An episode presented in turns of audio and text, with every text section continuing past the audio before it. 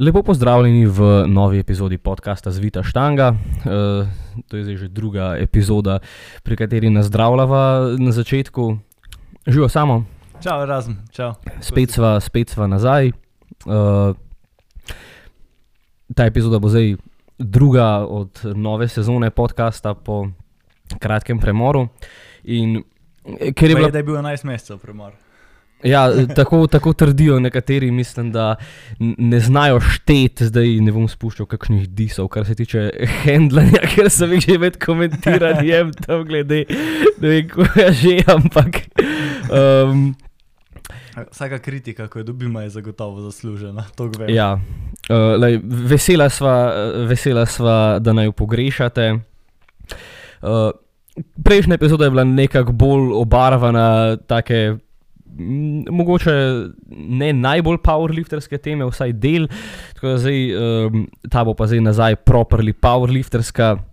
Eh, In sicer bova začela z uh, enim hitrim announcementom nekaterih aktualnih powerlifting dogodkov. Zdaj ta prvi, ki se nam bliža, bo že 1. oktober, bo Adria Open v Trstu, to bo uh, prva PLZS tekma v zamejstvu. Ja, in Eh, pa tudi v- na primorskem delu, v bistvu. Ja, in tudi na primorskem delu, ker v bistvu na primors, mislim, tem primorskem, primorskem ja. delu um, nimamo eh, sploh kakih hudih klubov. ne.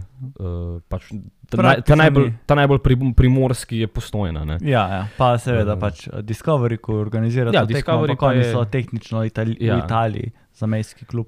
Teda zdaj vsi tisti, ki so jamrali, zakaj so tekme zmeri na Štajerskem, pa kako je to daleč, pričakujem, da bodo vsi tisti na tej tekmi prisotni. Ne?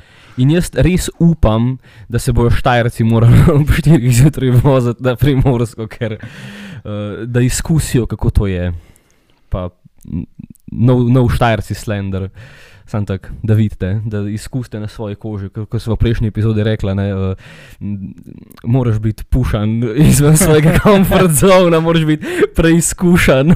Ja, tako nekako lahko rečemo. ja, Um, je pa se v resnici do Trsta, ne vem, tudi od nas iz Savinske, dve urce. če Tako primorka da- ni zabasana. Ja, ja. No, zdaj, oktober bi že mogla biti malo boljš, po mojem. Je, ampak je pa pol, ja, iz Maribora je pa hitro blizu 3 ure, v bistvu, tako da se, se kar nabere. Sploh če imaš ti ob 8 zjutraj way in to, ti ko si rekel, ob 4 zjutraj se ostati ni toliko hvaljeno. Ja, no, sej, glih to, glih to sem, jih, v- sem imel v mislih, ne, kaj jaz sem ostal pol petih, ko smo šli na Štajersko, Mm. ne, ker sem mogel biti že vem, pol osmih tam ali sedmih, ali kdaj so že dal vojine. Lej, če ti je tekmo tako pomembna, je edino pametno, da pač nekje prespiš. Sej boš dal 40-50 evrov za prednočišče sam, fuck če se pripravljaš pol leta na tekmo, plačuješ za kavča, daš ne vem kva vse, boš pa je dal še tistih kurčevih 40 evrov za prednočišče, pa šel en dan prej tja.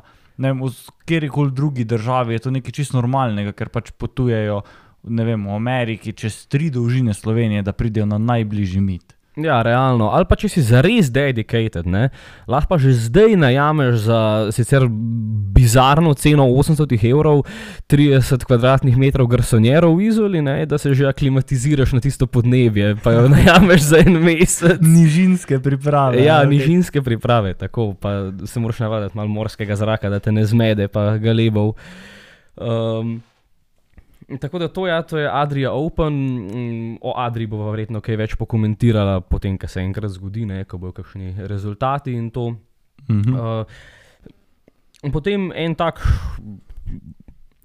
mislim, da neargibli večji dogodek, uh, katerega se bo udeležila tudi kar velika slovenska reprezentanca, bo kadetsko in mladinsko evropsko prvenstvo. -huh. To bo pa v bistvu takoj po Adria Open, že naslednji vikend v bistvu se začne, oziroma nas, n- teden po naslednjem vikendu. Ja. Uh, naslednji vikend, torej glih sedem dni po tistem, že štartajo naši prvi um, tekmovalci in trenerji proti Budimpešti. Tam se jim bova tudi midva pridružila, uh, sicer potem uh, nekaj, nekaj v sredini prvenstva Ja. za nekaj dni. Uh, o tem bomo tudi še kaj spregovorili, potem, ko bo malo bližje. Ja. Če bomo imeli dosta energije, pa če bodo tekmovci prvoli, mogoče kak podcast kar tam posnamemo. Jaz mu premo zihar sabo vzel za vsak slučaj. Ja, mogoče če bodo tudi kakšne hotelske razmere tam uh, primerne, oziroma Airbnb, če bomo noter. Uh, zna, znamo, kak podcast tudi mi tam posneti. Ja. Ja, fingers crossed. Takrat na univerzitetnem evropskem lani smo posneli, mislim, da eno ali dve epizode, nisem več zihar. Uh, se kar da, sam pač fulje odvisno, veš, a si ti kot tekmovalec po tekmi, a se ti da eno uro sedeti za mikrofonom pa pogovarjati, ali bi raje šel počivati na kako pivo ven, ne, fulje, fulje tukaj dejavnikov. Tako da, če, če bo uh, priložnost, definitivno posnamemo, ok, ampak nima pa tu smisla forsirati, rajš pa, ker ga povabimo. No, mislim, če ne bo šlo forsirati, lahko pa še zmeraj skrijeva mikrofone v jakne in snema pogovore ob pivu, po tekmah s tekmovalci. In je to lahko mogoče uh, sk skriti mikrofon, epizoda zvite štange. Mogoče pa celo prva, ki bo pionirala pod, koncept skrite kamere, ampak za podcast. Ja, zelo eh, etična izbira. Um, ja, to. Zatem pa verjetno še najbolj aktualen, pa največji uh, dogodek nasploh za slovensko powerlifting sceno do zdaj. No? Ja, bo pa um, svetovni univerzitetni pokal. Um, letos je Powerlifting Zveza Slovenije prevzela organizacijo, bo pa v Kranski gori, uh, konec oktobra, začetek novembra. Um, tudi bo zelo veliko število slovenskih lifterjev tam. Mislim, da največje število slovenskih lifterjev na katerem koli mednarodnem tekmovanju do zdaj. Ja, pač uh, dejansko je res fajn priložnost, meni je skrajno žal, da, da sem prešel za normo, za svetovno unijo, ampak uh, je bi ga.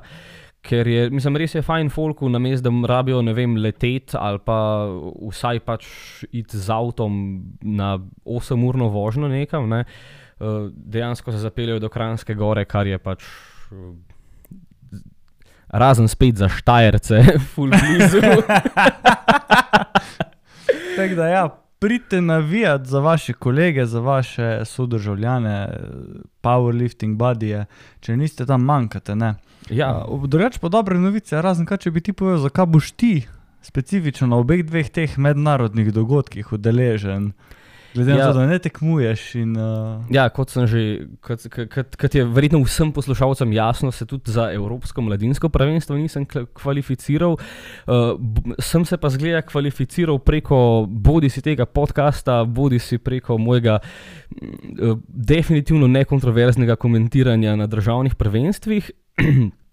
In uh, bom v bistvu opravljal um, Trials of Fire um, na Evropskem mladinskem prvenstvu za EPF komentatorja. čestitke, čestitke, jaz bom držal pesti zate.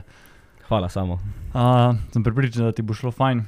Uh, tako da je, bilo bi kul, cool, da imamo še malo večjo ekipo na teh tekmah, da mogoče razširimo uh, našo prisotnost še tudi na tak način. Ja, zdaj mednarodnih sodnikov zdaj že nekaj imamo, ne? um, komentatorje pa še nobenega, tako da sem Ja. rekel. Nič. lej, mogoče čez nekaj let boš tudi lahko mednarodni sodnik. Ja, po, bojo pa mednarodne tekme za me, tako naše državno. Bom pa uh, sodel, komentiral, pa, pa če, če Bog da, pa še tekmoval. Glej, uh, mislim, da ne boš prvi v taki poziciji, brez evancije. Um, ja, na našem univerzitetnem boš pa tudi, pa ne boš na trajzih, ampak kar boš komentiral, če prav razumem, ne? ker bo live stream v naši lastni izvedbi. Ja, na, na univerzitetnem prvenstvu imamo pa live stream v lastni režiji. Boste pa lahko ujeli uh, mene in mojega glavnega sokomentatorja iz državnega prvenstva, Mitijo Papeža, Mičota.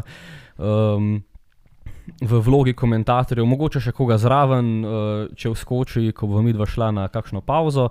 Ampak ja, generalno boste lahko večino časa naj poslušali, kako vam uh, bluziva najne fore med uh, skrajno resnimi, zgrajnimi attempti in kličeva ljudi, da so viličari. Uh, upava, da boste uživali.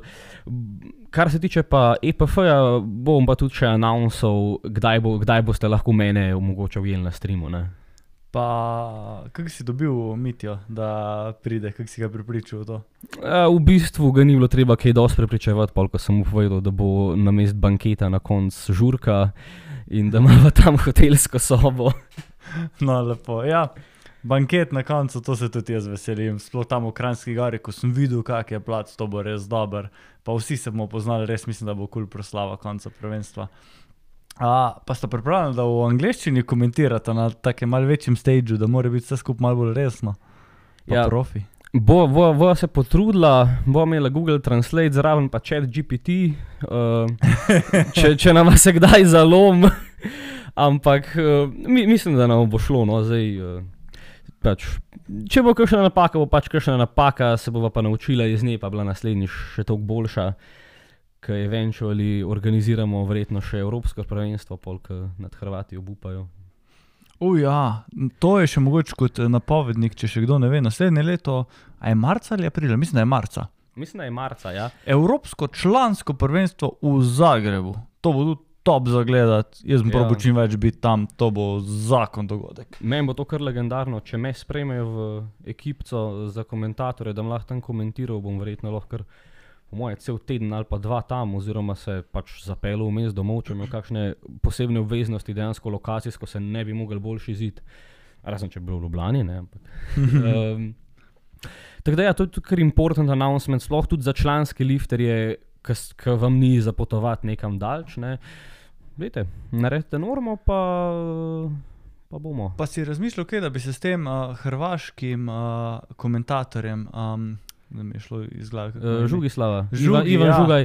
Ivana, da bi z njim Žugaja, se povezala in za Uni, in za Hrvaško, da bi skupaj odhendlala to. Ivana Žugaja sem povabil za Uni, ampak mu žal delovne obveznosti ne dopuščajo, da bi prišel um, tja, oziroma je pač eh, se upravičil, da mi ne more zagarantirati, da bo prišel lahko, da bo prišel. Če bo prišel, ga bom probil dobiti malo na stream. Uh, verjetno večina poslušalcev ne spremlja hrvaških tekem, ampak njegovo komentiranje je eh, zelo verjetno še bistveno bolj legendarno od mojega. Um, to je bil zdaj huge self-brag, ampak v redu, leteli je na žugi slava. Um, tako da pač, če se bo le dal. Um, boste, bo, bom tudi njega, kaj uh, za komentatorsko mizo spravil, že na univerzitetem, če bo tam. Uh, sicer pa ga lahko slišite na hrvaških tekmah, mi je pa, mi je pa res žal, da, da ne bo mogel. No. Je bil No. pa povabljen. Ja, zelo v jesenskem terminu je, se mi zdi, na največji naval powerlifting dogodkov, že pri nas, tri hudi dogodki. Uh, je bilo pa v preteklih parih tednih tudi USAPL državno prvenstvo. USAPL uh, praviloma ni več del IPF-a, ga je zamenjala Powerlifting America, ne? ampak govorimo o tem zaradi dveh stvari. In prva stvar je čist nenormalno izven tega sveta dober uh, nastop Austina Perkinsa, ko je naredil v kategoriji do 75 kg, kar je efektivno tako v IPF-u do 74, bolj kot ne. 851 kilski total. Kar je, če se ne motim, več od svetovnega rekorda v 83. Ja, in tudi v USAPL-u je bi bilo to višje od svetovnega rekorda v njih, njihovem nastopu. Najboljši uh, nastop po točkah vseh časov, če se ne motim. Šel sem preverjati na mm, Open Powerlifting, da bi to preveril, ampak še niso rezultati posodobljeni. Na internetu sem videl, da ne bi bil najboljši rezultat po točkah vseh časov. Uh, če ne nasploh, pa vsaj raw ali pa tested, čeprav mislim, da nasploh raw. Uh, pač čist bolan nastop, tip je naredil 313,5 počepa, 200 benča, pa 337,5 deadlifta. S tem, da počep je zgledal bolj kot drugi attempt ali pa mal težji opener, imel je še full lufta. 200 bench je zgledal težek, ampak da še ima 2,5 do 5 kg lufta, deadlift pa je enako. Spravi, praktično submaksimalen nastop, perfekten nastop. Pa tip je kaj 23 ali pa 24 star, glihko mi ven iz juniorjev. Absolutno bolano pač. To je ja, eh, 11,35 kratnik bodyweighta je naredil, če, Ja. ja. če, se, je- če se je iztehtal na, uh, Direkt na 75. direkt na 75, ja. sem zdaj preračunal. 11,35 kratnik bodyweighta, pač o, o tem lahko večina ljudi samo Ja. sanja. Ja. Mislim, več ali manj vsi. Res uh, nerealen nastop.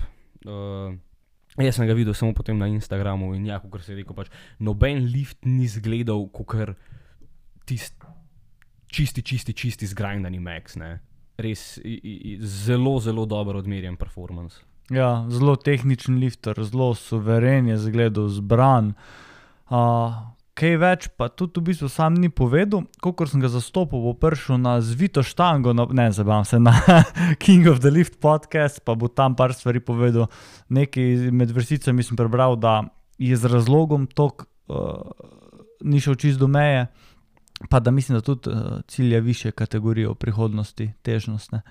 Uh, tako da zna biti to začetek enega novega dominiranja, enega lifterja. Ne? Tako je prej Taylorjev, Atwoodov nastop takrat na Necih v 74 kategoriji bil dominantni, je to zdaj. Sicer eno stopničko višji, ampak je to le nova generacija, zdaj je to pač wow, pač re, re, res nor nastop, no, brez besed. Sem. Ja, res. Drug, druga zadeva, zakaj pa omenjamo USAPL, je pa, da so na svojem državnem prvenstvu tudi imeli ta svoj uh, občni izbor. Uh, in so naredili par sprememb pravil, ko se mi zdijo zanimive za omeniti, glede na to, da smo mi v IPF-u in smo precej prepuščeni milosti in nemilosti IPF-a in kako oni spremenjajo ta pravila. USAPL je pač neka zgodba za sebe in uh, so že v preteklosti naredili stvari, ko se jim zdijo njim kul cool in jim je pač vse en, kar si drugi mislijo. Recimo, nazaj so dovolili deadlifte brez majic, tako za ženske kot za moške. Razširili, Edino pravilno. Ej, se strinjam, razširili nabor USAPL approved opreme. Mislim, da mora zdaj samo ustrezati nekim standardom, ni važna firma. Um, in tudi zdaj na državnem so imeli neko prav USAPL opremo, če sem prav videl. Uteži podobne kune ATX Chrome, ko so zgledali sicer malo čipato, ampak so gor USAPL napisi. Uh, Kombo rek, mislim, da je bil Texas Strength Systems, nek, tudi USAPL logo gor, palca pa nisem čist videl, katera firma je bila, ampak zgledala mi je kot stainless steel rogue palca. Mhm. Ne morem pa garantirati, ker nisem točno videl. Skratka, imajo neko svojo opremo zdaj in so uh, dali uh, določene pravila, ko se meni zdijo, uh, oziroma izpostavil sem par pravil, ko se meni zdijo zanimiva, pa bi mogoče bilo fajn razmisliti tudi pri nas, oziroma v IPF-u, če bi bilo to dovoljeno. Prvo od teh je, da so tekmovalne platforme zdaj dovoljene tudi gumirane. Torej, da, so, da je sama platforma narejena iz gume, je pa še vedno tepih gor. Ne? Ja, in pa mora biti uporabljen vsaj en sloj lesa. Se pravi, ne sme biti samo guma, uh, la, ampak mora biti vsaj en sloj lesa, pa na vrhu tepih. Se pravi, uh, problem gume je tak, da se lahko odbija in tako naprej, ampak še zmeraj full lesa, pride full drago, zelo hitro ga je treba menjati. Če imaš pa samo en sloj lesa, povrh pa tepih, so stroški veliko manjši, pa gumo ima že večino džimov. Ne. Tako da so to nekako se mi zdi, da naredili, da je lažje organizirati tekmo, ker sej konc koncev, če je dobra guma spodaj, ni nekih full problemov. Tako da se mi zdi to zanimiva sprememba, ker eh, že od začetka mi je bilo tako, zakaj ne sme biti guma na tekmovalni platformi. Pa meni se zdi, da bi to lahko bilo tudi mislim, koristno oziroma fajn iz vidika tega. Recimo, mi imamo naše lesene platforme za državno prvenstvo, smo imeli letos malo težav, da so lezle na razen. ne. Um, Ja, uh, če imaš pa ti les na gumi, ne les na lesu, je pa bistveno večje trenje in mislim, da se lahko ti v veliki meri znebiš tega problema. Plus, um, ker sem malo po Redditu, pač na R/slash powerlifting browsal, je dosta folka komentiral, da verjetno bodo tudi bolj trpežne, ker pač guma valjda bistveno bolj prenaša odlaganje deadliftov kot les. Ne? to je tako dvorezen meč. Mi smo na starih državnih prvenstvih, pol leseno platformo, imeli une gimnastične gume, če se ne motim, ker je eno dvorano skrbelo, da bi jim les uničili. Aha. In une gimnastične, une elevejše lanove Mhm. eh, podloge so nam v bistvu uničile platformo, ker je bilo tam, kjer so se uteži odlagale bolj mehko, se je ugrezalo in se je v bistvu platforma bolj uničila. Tako da mora biti trda guma, če hočeš, da je v redu. Ja, verjetno bi mogla biti tako, da recimo večina džimov uporablja te, uh, v bistvu, ki so, uh, če se ne motim, je v osnovi to podlaga za uštalo, ta res ultra Mhm. trda guma. Ja. Uh, jo imajo ponovadi pač za, za vhleve, za podlage, um, ki je pač res trda, ampak je pa še vsem pač guma, Ja. gumen material in posledično pač večje trenje. Ja, ja, ker se že v džimih vidiš različne kvalitete teh gum. Maš uneta poceni, ko nima velike gostote uh, in je ti delci, ko so skupaj dani, je več lufta vmes, se bolj krči, je bolj prožno in se ti palca včasih odbija, ko odložiš v deadlift, namesto Ja. da se sam absorbira. Ja. Uh, in ja, ta, recimo ta hlevska podloga je pa še ekstrem tega, ne? uh, je pa še toliko bolj uh, večja gostota in ja, tisto je, se mi zdi, da uh, kar dobra opcija za to.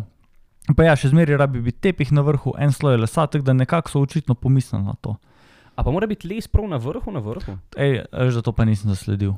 Ja, ker, ker jaz sem tudi razmišljal, pač, kaj, da bi v končni fazi lahko dal pol sam spodaj les, pa gor gumo, ne, pa imel v bistvu gumijasto platformo. Ja, verjetno je ta les tudi mišljen bolj zato, da zagotoviš, da je res ravno. Mogoče, Ja, če so tla malo ja. neravno, da ni pod kakim kotom ali pa kaj. Ja. Um, zdaj, ni, niti podrobnosti mi tukaj niso tako važne, bolj mi je zanimiv princip, ne, v, ka, v kako smer gredo. Kar zna biti zanimivo, verjetno zna prinesti tudi kak nov problem, ampak overall se mi zdi kul cool sprememba. Mislim, da ni razloga, da so, ajde, na mednarodnem nivoju, ko imaš itak elejko platformo, je to smiselno. Uh, na lokalnem nivoju, kdaj pa zna biti veliko lažje za organizirati to, ker veli, večina teh pravil, o katerih bomo govorili, so bolj usmerjena na celotno populacijo, ne na najvišji nivo tekmovanj. Plus, da pri gumiranih platformah je še storage bistveno lažji, ker pač če imaš leseno platformo, nek mraz, vročina, toplota, se les zvija in Mhm. um, ti lahko pač fulo nič. Sej. Pa gume, lahko imaš meter krat meter, pol metra krat pol metra, Ja. kocke, tisto rabiš pa nek kombi za pelat. Pa, ne. Ja, les pa pač ne moreš zeglih sestaviti platforme iz Mhm. 15 lesenih kock. Uh, naslednja taka zanimiva sprememba je, USAPL ima tudi youth divizijo, ki je v bistvu pod sub-juniori, pod kadeti, do 14 let. Ti, lahko, ti v IPF-u ne moreš tekmovati do 14 let, USAPL ima tudi youth divizijo in so zdaj naredili zelo smiselno uh, pravilo, da lahko imajo ti skoke po nič cela 5 kg. Se Ja. pravi, naj, najnižji skok je nič cela 5 kg. In uh, je to to. Oni lahko imajo tudi lažje palce, če se ne motim. Ja, mislim, da sem tudi to prebral, da, so, da imajo lahko tudi, mislim, da 15 kg palce. Uh, jaz mislim, da je to pač, če, če se greš divizijo po 14 let, da je to uh, definitivno smiselno. Uh, tudi zato, ker pač pričakuješ bistveno manjše teže in tako, kot sem na- državcu, po mojem, pri komentiranju povedal 40 krat, pri vsakem ženskem benču. Uh, manjša, kot je teža, večji je procentualen inkriz, če greš za 2 kg pa pol gor, kar je pač, če se ne gre za rekorde, praviloma minimum. ne. Uh, tako da pač pri teh dejansko otrocih ne priča, mislim, pričakujemo relativno ma manjše teže in se mi zdi čist v redu, v bistvu, da um, imajo lahko nič cela 5 kg skoke. Ja, ja. Pol so dal ven tudi um, neka nova pravila za Special Olympics tekmovalce.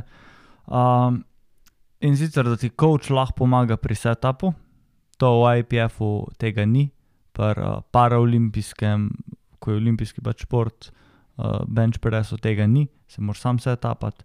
Um, kar zna biti kul, cool, še bolj razširilo šport nekako za te ljudi, ker pač tekmovalnost ni na prvem mestu, ampak je na prvem mestu, da pač prideš na tekmo, uživaš.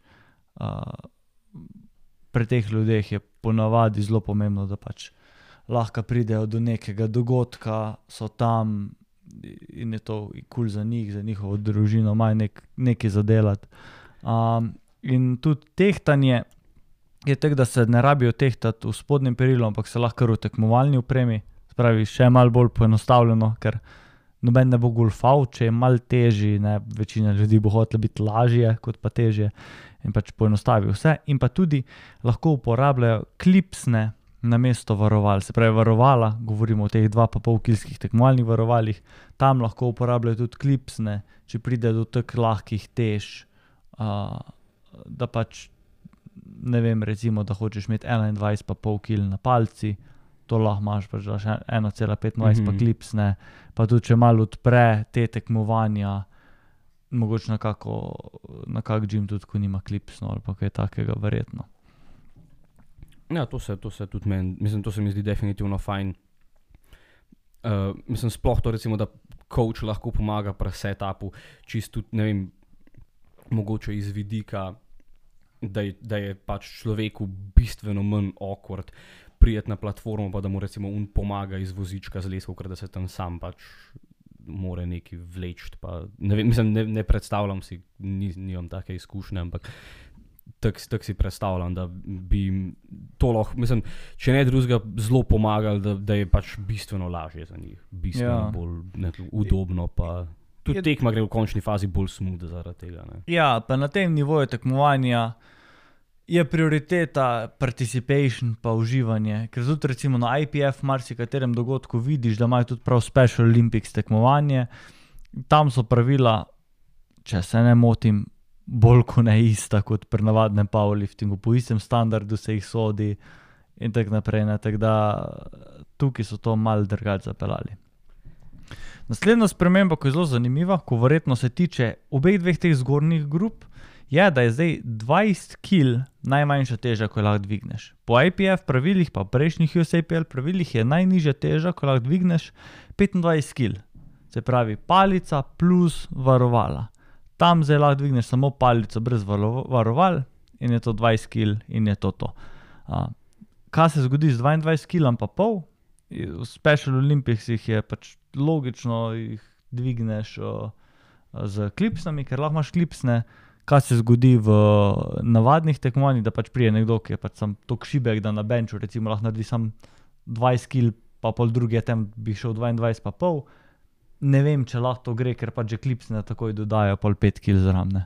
Ja, to bomo pač videli iz prakse, pa mislim, da tudi ne bo na neko ful ogromno populacijo, za, za neko ful ogromno populacijo to vprašanje. Zdaj, mislim, verjetno, jaz, jaz tudi mislim, da na kakem lokalnem mitu bi mu pač rekel, bi mu pač dal 1,25 gor, pa rekel, ok.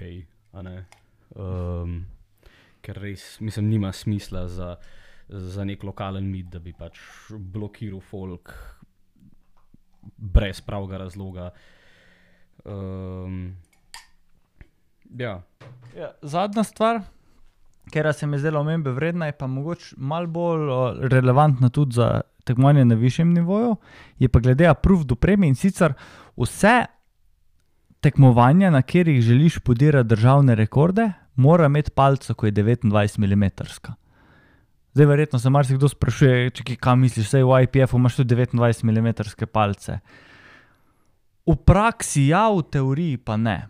V praksi LA, ko je 29, Rogue je 29, Leo, ko je 29, večina tekmovalnih palcev je 29 mm. Ampak tehnično v pravilih piše, da lahko palca od 28 pa do 29 mm. In palca, ko je pač tanjša, je lažje držati, ima več whipa in ni enakovredna tisti, ko je debelejša. In v IPF-u v teoriji lahko imaš ti 28 mm IPF approved palco, čeprav v praksi se to ne dogaja. Torej praviš, da moramo najti firmo, ki dela 28 mm palce in zorganizirati tekmo, na kateri bomo podarili vse državne rekorde. Ja, vsaj na deadliftu, na počepu, pa benču, verjetno to ne bi bilo tako fajn. No, pa tudi na počepu, po moje, če, teoretično, če bi nekdo ful dobro znal izkoristiti un bounce palce spodaj, ki se ukrivi. Ja, ja, imaš prav, imaš prav. Če, če, če koga ni strah poškodb, tega ne endorsam, don't do, do, do this at home, ampak če vam ni baš mar za, za poškodbe, lahko probate uh, skvotati z deadlift barom, pa se res naučiti izkoristiti un bounce na dnu, pa nam sporočite, uh, če ste kaj pridobili na počepu zaradi tega. Pa se olimpijci to kar konstantno delajo, oni imajo zelo uipi palce, to v bistvu pri Džrku, če se zdaj me vlada, me bo kak olimpijc popravil, ampak kot jaz vem, oni prav probajo to ujeti pri klinu, ko ti ga ujameš, probaš ujeti ta timing, ko se ti palca gor zaniha, da se takrat ustaneš, pa probaš takrat palco narediti, da se ti spet zaniha, da ko gre gor, da jo ti džrkneš, da ti je malo lažje. Tako da mislim, Ja, da olimpijci to kar, kar izkoriščajo. Tudi ko vidiš, kako oni bottom avtajo svoje skvate, Ja, ja, ja. ja. je mislim, da to tam kar tehnika. Je pa ne, nam pa prosim, kakšen olimpijc pove, če to res prakticirajo. No? Um, kakšen olimpijski weightlifter, verjamem tudi, da posluša ta podcast, čeprav ni specifično za njega namenjen. Um, ampak sva inklusiv do vsega audienca. Da, uh, nama prosim sporočite, če, če to res prakticirate. To je zdaj bolj teoretičen rambling, po mojem, na tej točki. Ja, educate as varianta. Edu, ja, educated guess, ja. Um, ej, Erasm, uh, se, verjetno smo zaključili s temi palcami, Ja. ali imaš še kaj zapovedati? Ne, mislim, da je to to, kar uh, sem imela v teh USAPL pravilih. Če, če kdo še kaj pač zanimivega ve, nam lahko napišete, pa bo še dodala naslednjič. Če uh, je kaj takega res zanimivega, oziroma če bi odprli debato, so DMs-i odprti. Um, ena stvar, o kateri sem zadnje cajt razmišljal, je, kaj je zate bonton na tekmah, nekako. Kaj je zate unaviš, ne napisana pravila, kako se obnašati, kaj delati v ogrevalni unotr. Kaj, kaj bi ti rekel, kaj je pomembno, da kot lifter in coach veš na tekmah, kaj je bon, bonton, da boš v redu. Jaz bi izpostavil tri zadeve, ki jih vidim. Eno iz vloge sodnika, pa dve iz vloge tekmovalca. Iz vloge sodnika se mi zdi, da pa ena stvar, ki recimo malo manjka pri nas, da eh, se pravi, tekmovalec ima pred tekmo tri glavna opravila. Se stehtati, iti na pregled opreme, pa določiti višino varoval in stojal. In ponavadi se zgodi tako, na naših tekmah, po mojih izkušnjah, um, da, da v bistvu tekmovalci najprej vsi navalite, navalimo, če sem iskren, na, uh, na tehtanje. Um, In pol po tehtanju, seveda, rata ogromna vrsta pr pregledu opreme, za višino stojal je treba veliko folka kar hoditi iskat um, tam po, po dvorani in garderobah in to, da, da prosim, prosim, no, zber si že to, kje hočeš imeti bench, varovala. Um, full cool stvar bi se mi zdela, da bi lifterji začeli, uh, da bi pogledali uh, seznami za tehtanje, so po vrstnem redu lot numberjev. Pogledaš, kjer lot number si, če vidiš, le pred mano se jih bo 20 tehtal, bom šel pa prej določiti višino stojal, pa pregledati opremo. Jaz, jaz sem zdaj, ne nekako tako žrtveno jagne eh, PLZS-ja, da sem na praktično vseh tekmah na pregledu opreme in imam zmeraj vrsto, zmeraj zato, ker vsi pridejo direkt iz tehtanja. Ja, najprej čakam 3-4 ure, ker moram biti tam. In pol vsi navalite, navalimo, kadar nisem jaz, ka- kadar sem zraven. Um, to, to bi se mi zdelo full cool zadeva, da bi um, lifterji pač, če vidiš, poglej, če nisi pri ta prvih, ne vem, 15, veš, da imaš 20 minut zihar, preden boš na vrsti za tehtanje, pejt pa najprej priti na pregled opreme, ali pa če vidiš, da je tam gužva, pa pejt najprej na uh, merjenje višine stojal. To se absolutno strinjam. Pa imam tudi svoje argumente in iz vidika sodnika, in iz vidika trenerja in tekmovalca, zakaj je to, ker mislim, da je za, iz vseh strani to prav. Ampak kaj je pa iz tvoje strani argument, zakaj je to dober etiket na tekmih, oziroma zakaj bi to mogel en delati na tekmi, zakaj ne sam jamraš, da ti utežuje delo kot sodniku? Ok, ena, seveda bi to olajšalo delo sodnikom, ampak dva, ste pa tudi potem vi prej fertik, ne ratuje gužva, folk ne rab dolg časa stati v vrsti, kar pomeni tehnično pač nek sicer minoren, ampak ja, fatig. Več časa imate, da se v miru vse tapate, um, kaj pojeste, popijete, karkoli in se začnete v miru ogrevati. Več časa vam bo ostalo, če boste časovno optimizirali uh, svoje opravke pred tekmo. Pa, pa prosim, ne pozabljati na višine stojal, ker je pa to tudi pol dodaten stres. Uh, Če, če vas sodniki lovijo pet minut pred začetkom flighta, vi se jih pripravljate na zadnjo ogrevalno, mora iti optimalno, da boste pač prišli na platformo, pa pra- pripravljeni in vam uleti en sodnik in je tako, hej, imaš minuto, da prlaufaš tja, pa mi upišeš višine stojal, pa varoval. Um, skratka, pač za vse bo lažje. Jaz pa kot organizator tekem sem se čist nehal sekirati za višine stojal, čist iskreno povedano. Višine stojal so tam zato, da se olajša lifterju zadevo in če ti ne priješ, pa ne upišeš višine stojal, pač tam ne bo upisana.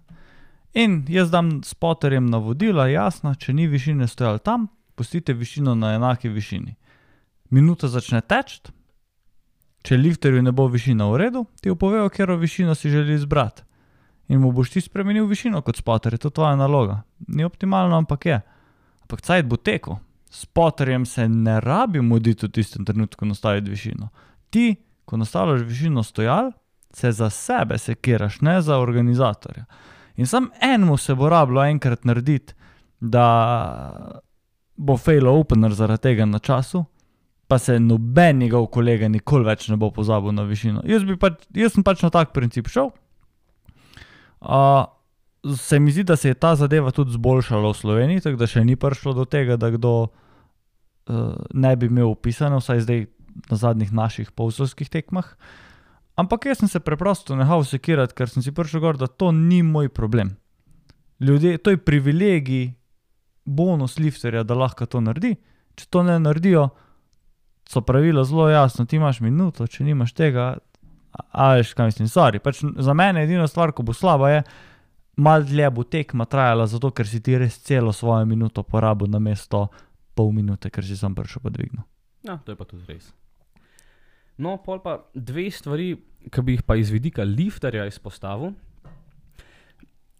s katerimi imam generalno z eno zelo pozitivno izkušnjo, z eno pa je pa tako tako.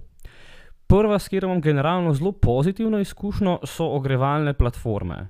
Um, nek zelo osnoven etiket je, pejte s kolegi na isto ogrevalno platformo in komunicirajte z ljudmi, ki so zraven, da si nekako optimalno razporejate ogrevalne vaje.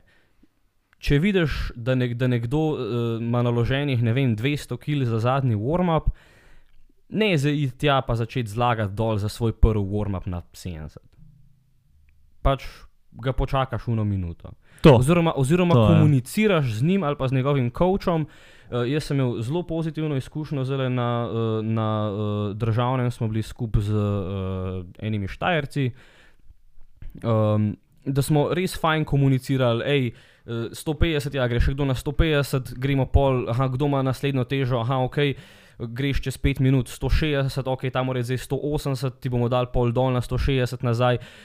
Skratka, pač res je fajn ta komunikacija, pa sploh kaki novi lifterji, da jih pač spustite zraven, če vidite, da ne vidijo, kje, da, ne, da ne vejo, kam bi prišel zraven se ogrevati, da ne, To. da ne hogate platformo. Pa mogoče dati mal vedeti, hej, kak pa boš imel ogrevanje, kdaj greš kaj, a greš zdaj to. Ja, Pa če o, ne vem, pač se bom, uno, hej, koliko imaš opener, splaniraj si zdaj le ogrevanje, ne moreš krtavati. ker- ja, pač tudi pomagate drugim, da si pač pomagamo med sabo, nič ne boste izgubili na tem, oziroma pač tudi če bi bil nekdo, ki je vaša zelo neposredna eh, kompetenca, je pa to skrajno nešportno, da ga vi namerno zajebete, da upate, da se bo slabo ogrel, no se mi zdi pa sem tak pač butast. Ja, ampak hkrati pa folku nima pojma, ko pride tja. Najhujša stvar je, ko eni krtavajo iz platforme na platformo. Kako je pa tu, a lahko jaz zdaj grem vse. Až, stari ne, mi imamo 200 na palci, ne bomo ti za 70 zdaj dol delali. Pa, no, dej si sam, pa nam nalož pol 200, pač ne moreš, a veš, kaj mislim. ja to tudi. na platformi, zber si platformo, sodeluj z lifterji, nared skupaj uh, ogrevanje, tako se ogrevanje naredijo. Ne mi kar tek sem tavat ali pa pol pridi do enih, ko imajo že 108 zgor naloženo, ali gremo zdaj palco probat. Kje si bil pred 15 minutami, ko smo se začeli ogrevati, pizda, bod zram. Pa sled stvarem, ker ne samo da delaš slabo za sebe, za štiri druge lifterje, ko so na isti platformi, delaš sranje. In se mi zdi, da na, če na neki točki, če ste pač ne trije kavči na tisti platformi, pa jim hočeš se nekaj ogreti, je na tvoji, tvoja pravica, da rečeš, ne, odjebi, pej drgam. Ne boš, na, pač, ali sploh če je neka država, ajde, pustimo zdaj neko majhno tekmo ali povzela pa to, ampak Ja. če si pa to na državnem narediš, stari, mi se tu zdaj borimo za državne rekorde, za naslov državnega prvaka, odjebi, nimaš kaj tu delati s temi tvojimi forami, kaj si prišel na tako tekmo sploh, veš, kje imaš Ja. trenerje, kje imaš trenerje, da ti bo to pomagal, ali pa dobro, trenerji pri nas se mi zdi, da niti ne delajo takih neumnosti, se pa znajde še zmeraj kdo, ko je kar sam, pa kar neki tava, ali pa ne vem, dviga v skupini, ko že dviga. Pa fejla opener, pa pride v uno ugrevalno, dajmo tule dol, da je še enkrat opener probam. Po stari, iz katerega planeta si ti? Ne, to je pa sam butasto, ne, ne retrajajte openerjev. Jaz sem v, v življenju sem slišal samo eno, um, semi, semi-valid primer, ki je Kristjan uh, Špan, ki je bil na bench državnem, ki ga je res skrbela globina komovcev, da je šel pa je naredil zadnjo ogrevalno kot opener, pa pol šel opener narediti zadaj. Zakaj je to valid? Pač razumem njegov koncern. Da je, da je hotel pač ta prvi attempt res full na easy, pa ga full sinkat, pa pol it kao opener zadnji narediti, da pol gre normalen, Ja. drugi pa tretji attempt. To je nekaj, kar, kar razumem kot pač kao semi-valid. Tudi sej, ne vem, ali bi jaz to naredil, verjetno ne, ampak pač. Pa jaz, jaz tudi to ne bi rekel, kot sem je valid. Sej ti si imel mesece treningov prej, vse so pravila napisana. V najslabšem primeru lahko sodnike naše vprašaš, imaš trenerje, ko te pogleda, lahko na treningu vadiš sinkanje, ogrevanje na tekmi je zato, da se ogreš. Ampak pustimo to, to, to zdaj, po mojem, ne sodi v etike, da a ti probaš Ja, ne. narediti ali ne. Etiket je za mene to, da ti, ko sploh nisi v skupini, preletiš v eno drugo skupino, pa se probaš zram tam neki stari, Ja. kot ti ni jasno, kot ti delaš. Ne. Pač ja, skratka, TLDR tega, držite se ene platforme, dovolj hitro se začnite ogrevati, vidite, pač, vidite, kdaj se ogreva folk iz vaše skupine, nekoga boste že prepoznali, da je v vaši skupini, če ne drugega boste videli, da je približen tok suha pa debel kot krvi, uh, pa da je v dresu. Um, in pač pa komunicirajte z unimi, ki so pač na isti platformi. Ja, pa mislim, da to je tako bolj na svet za folk, ko nima koča, ker se mi zdi, Ja. da uh, trenerji v Sloveniji, kar se tiče tega ogrevanja, da je to že kar pošlihtano, no, da imajo vsaj une. Evo, gremo tako ogrevanje, pa po večini je itak, tak, da ena trenerska ekipa je na eni platformi, druga trenerska ekipa je na tretji platformi. Vsi ostali so posam- pa na ta zadnji. Ampak dobro, ni. ni- Ampak, bilo ja, se mi, se mi zdi, da to pri nas ni tako velik problem, ampak se mi zdi še zmeraj pomembno. In je kul, cool, da si izpostavil, ker se še zmeraj dogaja. In se jim mogoče malo ostro povedala, ampak se mi zdi tudi po eni strani prav, da se zaveš, da to ni kul, cool, da to na tekmi delaš. Ja. Se to ni vno, haha, sem na prvi tekmi, sem brz glav, pač dejansko drugim lifterjem tudi lahko škoduješ zaradi tega in to ni kul. Cool. Moraš se pač, če se lotiš nekega takega, neke take stvari, sploh recimo na državnem prvenstvu, bod pripravljen. Pa ni stva, niso stvari tako težke, samo zber si platformo, na kateri se boš ogreval, pa komuniciri z drugimi lifterji, da se bo zram, ker so ponavadi zelo odprti, tudi če se s kakim res močnim tipom ogrevaš, se bo prilagodil, se bo dalo, samo pač rabiš biti zram, pa rabiš biti resen, ne kukura brez glave, ukolafati od platforme do platforme. Točno to pač ni problem, če si na isti platformi. Mislim, ni, so, razumem, pač čustva so visoka, ampak ja, pač vsaj imeti nekje in the back of your mind, da pač naslednji lifter mora priti gor. Ne. Pa dobro, ko si ti, ti kot lifter, je to drugo, ker si en človek, problem je pol, če je res deset ljudi. Ja, problem, pa, ja, problem je ono, ko te pet kolegov hajpa in se pol ti vržeš na vseh unih pet in te dvignejo in nosijo okoli. in Ja, pač. Unej se pa prebije čez ogromnega trola iz petih ljudi tam. A, je, te stvari, ko si izpostavil, se mi zdijo kar dobre za um, nek etiket na tekmih. Um, jaz bi mogoče zraven še eno stvar izpostavil, je urejenost prostora. Pač tipično, uno, ko pogledaš ogrevalne platforme, je zmeri pač namečeš stvari sem in tja, ampak sebi delaš probleme, ker boš zgubil stvari, ne boš najdel stvari. Najti en kotiček, tudi če je malo bolj odmaknjen, lepo ga um, ured. Pa nič ni narobe, če prijazno opozoriš folk, ko je s tabo na platformi, ej, dajmo tule lepo zložiti, dej si ti svoje stvari tja, ker bo uh, sosednji lifter zamešal svoje stvari s tvojimi, ti boš za zadnji deadlift, v tem pisku, ki imaš uh, amonijak. Uh, Veliko lažje bo pa za tabo, je pa še ena grupa, ko se bo šla ogrevati. Veliko lažje bo, če imaš stvari, kot to korene in tebi in drugim lifterjem, odraža nek odnos do športa, kako imaš tam pripravljene stvari. In pa tudi, če potegnem to naprej, v veliko bolj pomembno stvar, ko si konc ogrevanja, moraš platformo pospraviti za naslednjo skupino. Uh, če imaš kavča, je to naloga od kavča. Tukaj tudi s prstom kažem na sebe, tudi jaz nisem bil zmeri perfekt, ampak sem v zadnjem času spoznal, da je to ena stvar, ko se je mogel tudi jaz bolj držati. moraš pospraviti platformo, ker najslabša stvar, ko je, ko se hočeš ogrevati s prazno palco in moraš 280 kg dol zdevati štange, uh, pa dati klopco not in tako naprej. Pa dej, itak boš ti, ko se nehaš ogrevati, imaš pol 10 minut, ali ti, ali pa tvoj, coach. Če, če imaš coacha, je to naloga tvojega coacha. Če nimaš coacha, sorry, to spade na tebe. Um, mm, In se mi zdi, da je pač nared tak, da če si se ti začel ogrevati na lepi platformi, naj se tudi skupina za tabo začne ogrevati na lepi platformi. Se mi zdi to pač ena stvar, kot je taka, kot je. No. Ja, glede te neurejenosti sem jaz kar hudo fender. Jaz sem letos na državnem zgubil tekmoval, mislim, zgubil to državno prvenstvo majico, pač ne vem, kje je, jaz sem pritišul, da pač sem jo tam nekam vrgel in jo je nekdo vzel, uh, unka jo ima, boh ti jo požeglej. Uh, Ja, jaz, sem, jaz sem kar bad offender, kar se te neurednosti tiče. Jaz imam raztreščene stvari, ne vem, ki imam, imam tri različne izotonike tam, vsadzga na enem koncu dvorane.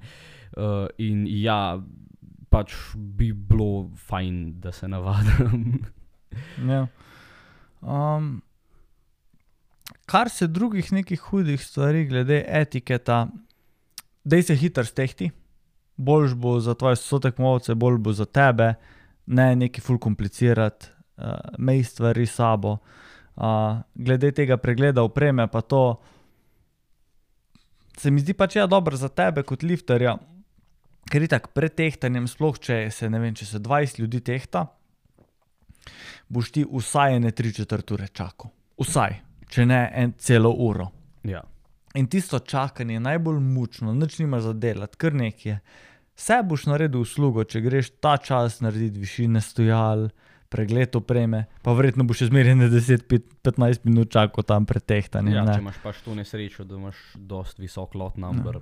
Če si pa prvi na tehtanju, pa valjda, pet tja čakati na tehtanje, čim hitreje se stehti in pet pol dela druge stvari, kar imaš za narediti. Ne. Ja, pridite na tehtanje v papučah ali pa vsaj odvezanih čevljih, od pet pas, ne, ne imeti šestih poloverjev na sebi, ne, ker je za vas boljš in za vse ostale boljš, da pač ste čim hitreje not in ven.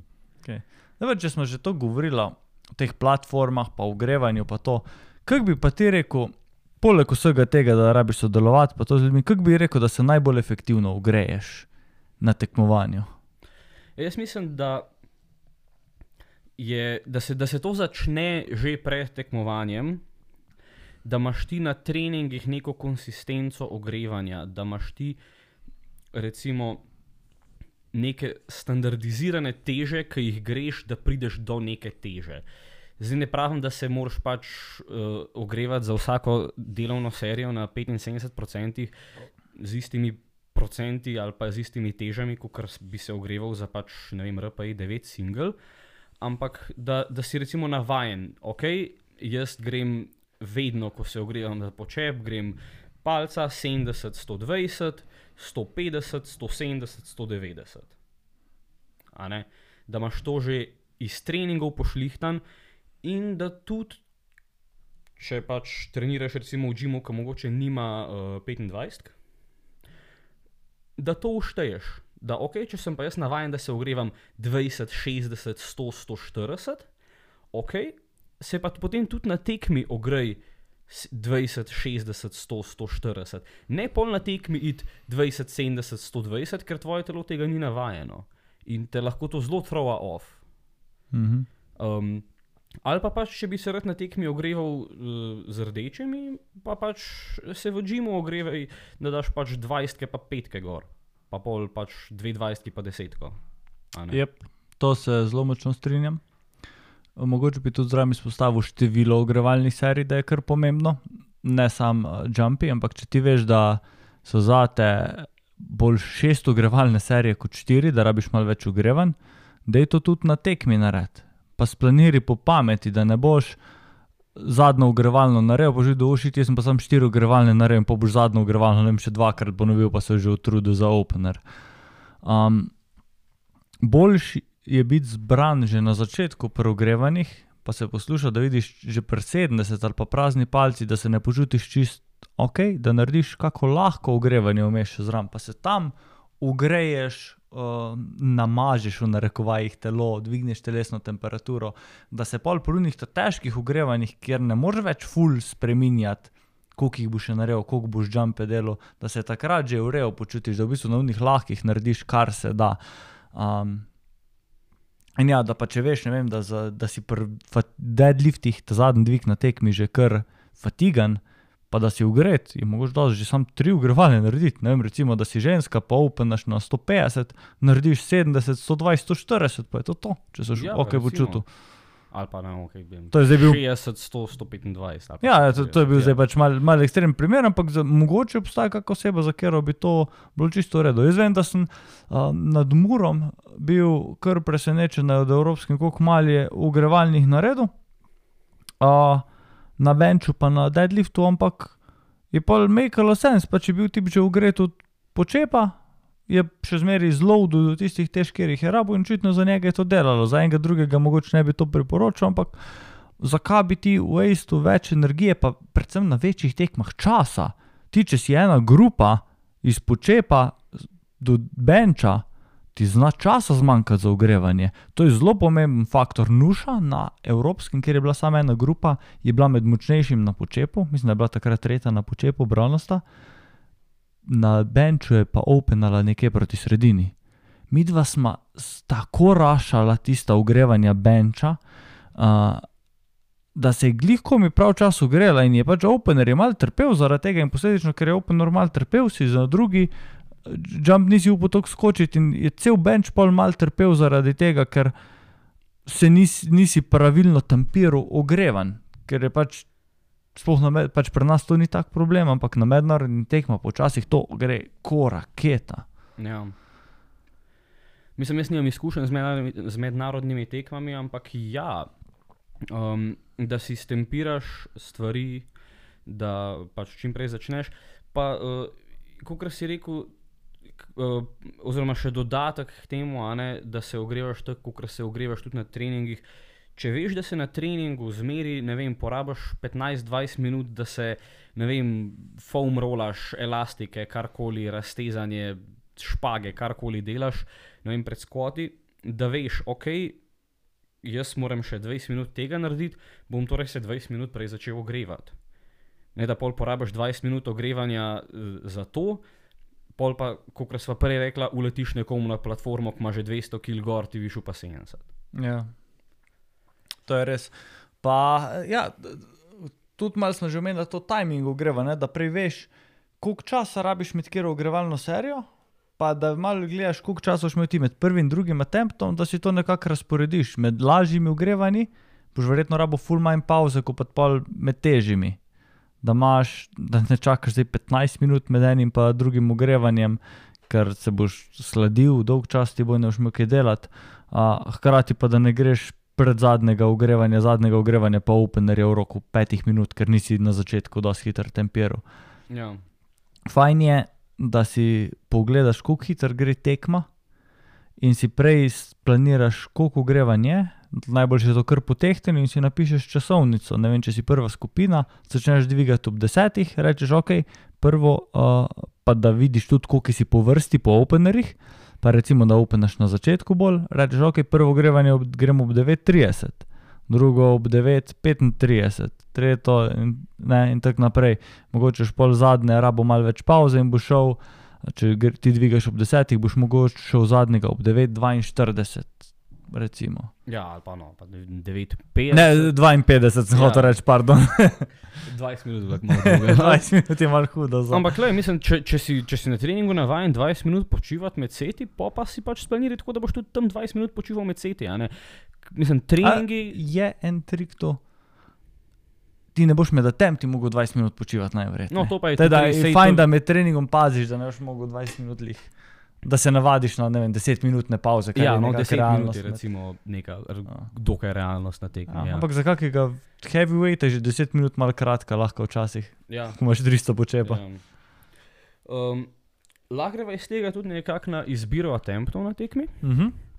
Um, recimo, jaz sem zelo kmal na začetku svoje powerlifting kariere slišal od nekoga, pa se ne spomnim od koga, ampak nek tak zelo generaliziran nasvet, da naj bo opener na teži, na kateri lahko narediš lepo trojko. Jaz se tega, mislim, da v zadnjem času, mislim, da, da sem se tega na vseh, tekmi, na vseh tekmah uh, zavestno ali ne držal. Zdaj, če tako malo pogledam, prvo tekmo sem odpiral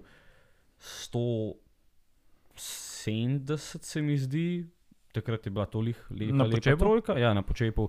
Um, evo, bom dal za primer počepe, ki se najbolj spomnim attemptov. Drugo tekmo sem odpiral na 182, pa pol, tudi je bila lepa trojka že na treningih na temu.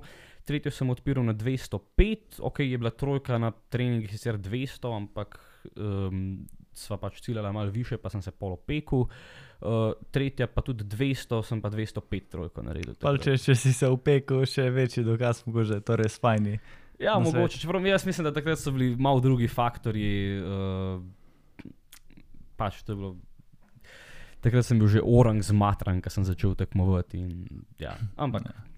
kakorkoli. Ja. Kaj si ti misliš, recimo, o tem? To, to, to thumb. princip trojka je tudi uh, meni bil na začetku zelo znan, je zelo prijazen začetnikom, ker se ne tiče ne RPE, ne procentov, ampak je zelo nekaj tajega. lej, Če lahko narediš za trojko, lahko narediš za opener, ker pač rabi biti tako, da lahko ponoviš, ne glede na to, kak fail je bil, ne glede na to, kaj je bilo. Tudi če rabiš iti 20 centi globje, kot si šel, če lahko nekaj narediš za tri repse, boš verjetno lahko naredil. Pač rabi biti tako, da lahko ti študiraš zraven, kaj delaš. Če ti šel na max, ne boš mogel študirati, ti boš naredil, kak si navajen. Ne? Ja.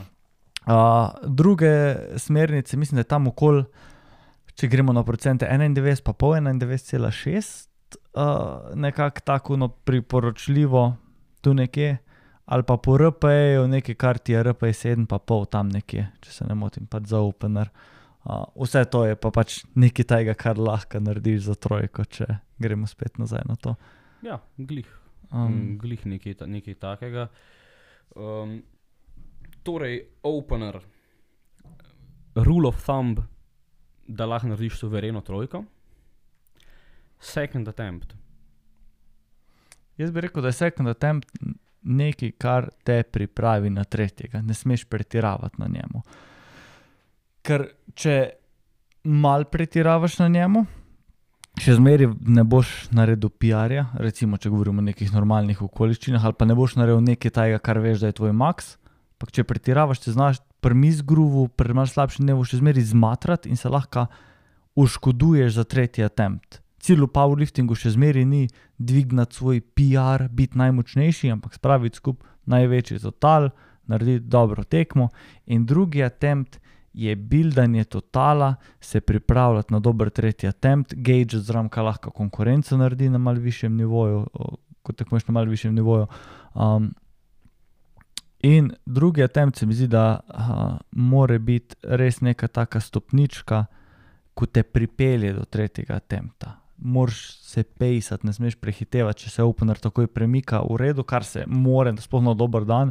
O, sem pa jaz kar zvišal drugi attempt. Dru, drugi attempt mora biti. Iz, o, jump iz openerja na drugi attempt je logično, da bo višji kot jump iz drugega attempta na tretji attempt. Enako kot prva ogrevalna, bo večji jumpi kot zadnja ogrevalna, ne greš dol po procentih. Um, Mora biti dovolj težko, da boš vedel, kje je tvoj limit, kak tretji attempt zbrati, ne sme se premikati kot opener, mora biti že malo težko, ampak hkrati te pa ne sme preveč zmatrati. Tako da se mi zdi, da zbrati drugi attempt je malo bolj triki, ker, ajde, sej, če gledaš neka generalna priporočila, lahko rečeš tam 96%, recimo, ampak to ne boš ti zdaj rekel, okay, koliko je bilo 96% na zadnjem treningu, aha, ok, to grem. Pač gledal boš opener in boš glede na to zbral, tako da moraš že imeti malo več intuicije, pa kmečke pameti zraven, pa če si lifter, ne se prenagliti, če se ti je full fine premika opener, pa kot trener moraš znati postaviti lifterja malo na realno tlak, da je tu včasih, ker velikrat bojo lifterji lahko na hype, oh, ful je fajn šlo, gremo, filo se pušimo in boš zdaj lahko padel zraven v ta hype. pa bo šel pušati te cifre, pa cifre pač realnost ne laže, gravitacija je zmeri ista. Pač, če, boš, Ja. če boš šel izven tega, kar je pametno, te bo hitro prizemljilo. No pun intended. Ja, zdaj, jaz, moj oseben nek tak general rule of thumb je, da greš za drugi attempt, to je sicer zelo mi specifik, ampak da greš za drugi attempt praviloma nekaj, kar si že naredil, Mhm. ampak je nekje zelo blizu tvojega PR-ja. Um, recimo, specifično na počepu sem jaz do zdaj skoraj zmeraj šel tako, da sem šel za drugi attempt počepa v tam 2,5 kg gor dol od mojega najtežjega trening singla v piku. Pod pogojem, seveda, da je ta trening single uh, lepo šel. Ja. Torej, da je nekaj, kar je uh, tvoj, tvoj, recimo, trening max, oziroma blizu tvojega trening maxa, se govorimo o resnem trening maxu, ne o PR-u, ki ga naredil 4 leta nazaj, um, pa si že naredil. Da, da, da si uh, tudi v drugi attempt nekako suveren, da si že naredil, da potem v, bistvu na, tretjem attemptu pa ti potem loviš, recimo, aha, ok, zadal sem si eh, 220 za cilj na tekmi, na treningu sem naredil 212,5, evo, bom šel 212,5 ali pa mogoče 210, in je to pol odskočna deska, da naredim un PR. Oziroma, če mi bo šel ta full slabo, ne, da naredim vsaj tega, vsaj mečam svoj trening PR, pa naredim pol, vsaj nek mini skok do tretjega tempta. Druga filozofija je bila pa ta, ki smo jo letos uh, na mojih deadliftih obrali, je pa to je pa predvsem na deadliftih, da, si, uh, da gledaš, da si z drugim attemptom boš zaziheral nek svoj, recimo, ali, ali primarni cilj, pa s tretjim potem lovil nek bonus cilj, ali pa vsaj nek sekundarni cilj. Meni je letos bil kao nek sekundarni cilj, oziroma tak, oziroma c- celo glavni cilj 600 totala. In smo potem splanirali moje deadlifte, da sem šel za drugi attempt 247,5, kar je bil že 5 kg PR za me, uh, ker mi je to zagarantiral 600 totala. In sem bil, in sem bil pol tudi jaz v glavi, ok, 600 imam zagarantirano, dosegel sem svoj cilj 600 totala, zdaj je pa tretji attempt, uno, lahko grem. Uh, Če bo šlo ta hiter, bom š, um, grem lahko 255, 260, mogoče, če bi šel res hiter, če bi šel pa ful počas, pa lahko dosežem en, samo en ekstra mini cilj 250 deadlift, pa grem samo za 2 kg pa pol gor. Ja, uh, mislim, te zadeve so zelo velik. Pri deadliftih imaš veliko več strategiranja, ker lahko loviš konkurenco, lahko ciljaš sam na svoje PR-e, lahko uh, loviš norme. De deadlifti so res lahko polči svoja zgodba, uh, tudi zato, ker lahko spremenjaš attempte.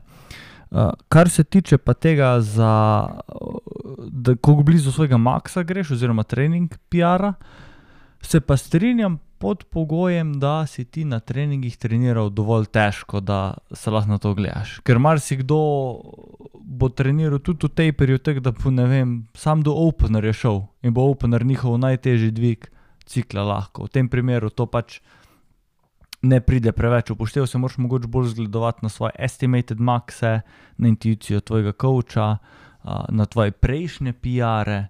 Um, spet, ko si rekel, ne lih na štiri leta nazaj, ampak če si aktualen lifter, ne Ja. na, na PR iz prejšnjega cikla.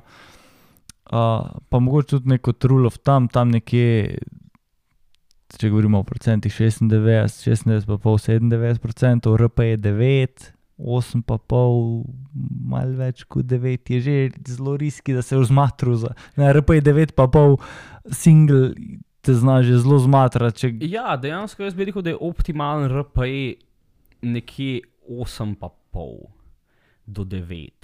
Kao da bi zelo, zelo mogoče, oziroma da si skoraj zihar, ne, da bi lahko naredil, recimo, ma ne bom rekel, da bi lahko naredil dvojko, ne, ampak da si, da si, da si zihar, da bi lahko naredil več od tega. Um, ampak ne pa uno, da bi lahko to repal out tako recimo prvi attempt. Ja. Je RP9 pa pol je za me, ne za me, ampak po neki splošno gri d- definiciji, da ne bi mogel še enega repa narediti, labi pa še mal dodal zram. Kar je za me, ko vidiš to na tekmah, veš, da ni bil optimalen drugi poskus. Recimo, ko ima en bench, pa je bil že tek, pa gre v naslednji poskus, ne vem, če je bil prvi poskus 155, pa gre v naslednjega 157, pa pol. Pa da, dajmo malo više cifre, da bo malo bolj realno. 205, pa gre naslednjega 207, pa pol. Verjetno veš, da je drugi ni šel čist optimalen, že pol tretji vidiš, da je malo no, a bo ali ne bo, pač verjetno je bil plan 210, ampak drugi ni šel čisto, kot bi mogel iti. Da, RP je 9, pa pol. Na drugem attemptu je že mogoče v normal pushing, je že v normal slab drugi attempt, ko v bistvu pomeni nek minimalen skok, nimaš več, nimaš več ruma. Greš minimalen ja. skok, pa narediš, super, nam je ratalo zgrindati, imamo še nekaj malega zram, aleluja, ali pa je pač, pač nimaš ruma več strategirati, loviti konkurence, pač imaš, kar imaš, če pa greš malo lažje.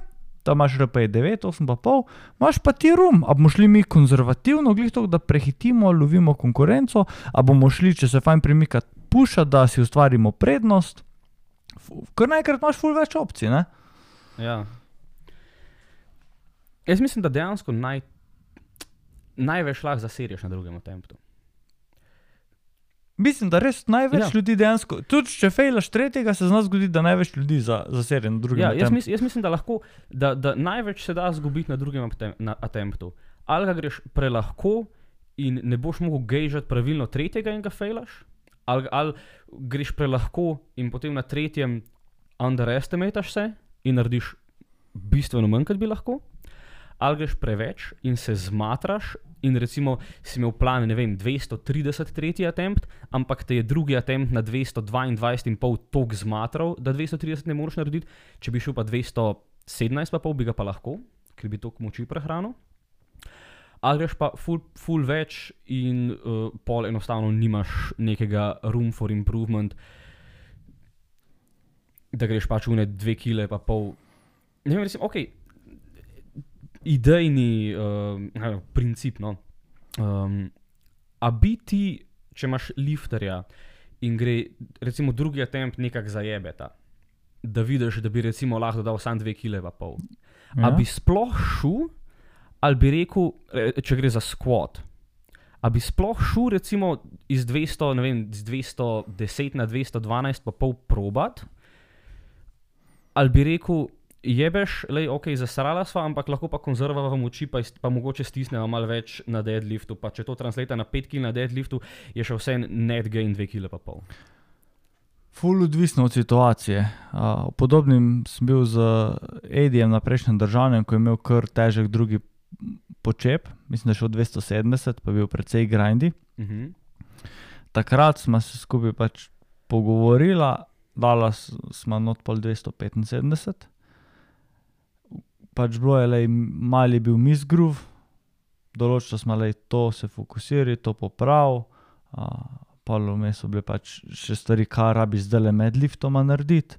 Uh, in pol, ko je prišel pač tretji lift, je to popravil in se je tretji skoraj bolj premikal kot drugi. V tem primeru je bil to, po mojem, da right call in če bi tisto skipala, bi pač nek velik cilj, pač same rdeč, pač pet rdečih na, Ja. na počepu, bi padel skozi. Se mi zdi, da je tudi dobro podlago za naprej naredilo. Zdaj, če vidiš, da je bil absoluten grinder, pa da ni bil nek misgroove, da sam ni tvoj dan, pač moraš znati to, to malo oceniti kot lifter, pa kot coach. Je pa mogoče boljš spustiti, ker te počep zna teksati za deadlifte. To je fakt. Če, pač, če imaš hud grinder počepa, moraš planirati, da boš mogel biti pri deadliftu vsaj bolj pozoren, pa konzervativen, če ne jih takoj že prilagoditi. Pa, že, pa, pa, koga. že, pa že celo prebenču. Že celo prebenču te zna. Ja. Sploh, ja. sploh če, če imaš kakšne une grindere, počepa, ki folk, uh, ki folk v boki naprej uidejo in morajo pol ful iz hrbta dvigant, ti to lahko um, arč pokvar pri benču, ali pa enostavno, če, ima, če, si, recimo, če imaš full naštudiran leg drive, ti full bolj fatiga noge. Vem, da je Mohorič na državnem. Um, da mi je pol potožil, da je failil tretji bench, v bistvu zato, ker ni navajen benčati direkt po skvoti in ga skvoti full taxajo pri benču. Da se mu ful pozna, če benča pred skvotom, eh, mislim, skvota pred benčom. Uh, tako da sem pa mu pač predlagal, ne, da naj uh, že na treningih dela benč po skvotih vsaj enkrat na teden. ne. Um, ampak ja, definitivno pa. Um, de- Definitivno zna pa še bistveno bolj vplivati na deadlift. Uh, pač, ker je pa vendarle so uh, v, v večji meri uh, isti oziroma podobni muscle grupi in ti lahko ne dve kile pa pol skvota stane ta pol. V najslabšem primeru tudi 10-15 kil na deadliftu. ne. Ja, se, se v veliki meri strinjam, ampak je spet un uh, neseksi odgovor. No, it, it depends. Ne? Ja, sej, Odvisno od mislim, lifterja, odvisno od situacije, eksaktno odvisno tako od ne stejkov, oziroma uh, kaj, kaj je na liniji za tisto tekmo. Rabiš pušati ali je to neka trening tekma za te. Včasih pač moraš riskirati.